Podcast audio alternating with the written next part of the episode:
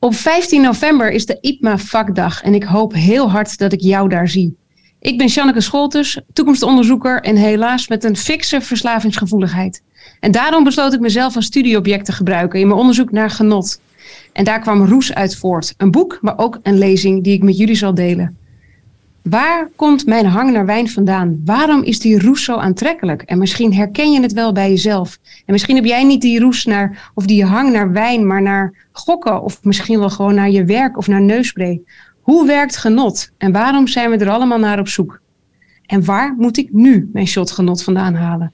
Ik deel dit met jou op 15 november in het Flint Theater. En ik zal daarbij ook mijn nou, leringen schetsen. Want uiteindelijk gaat dit ook over de competenties die je daarbij ontwikkelt. En het begint met zelfreflectie.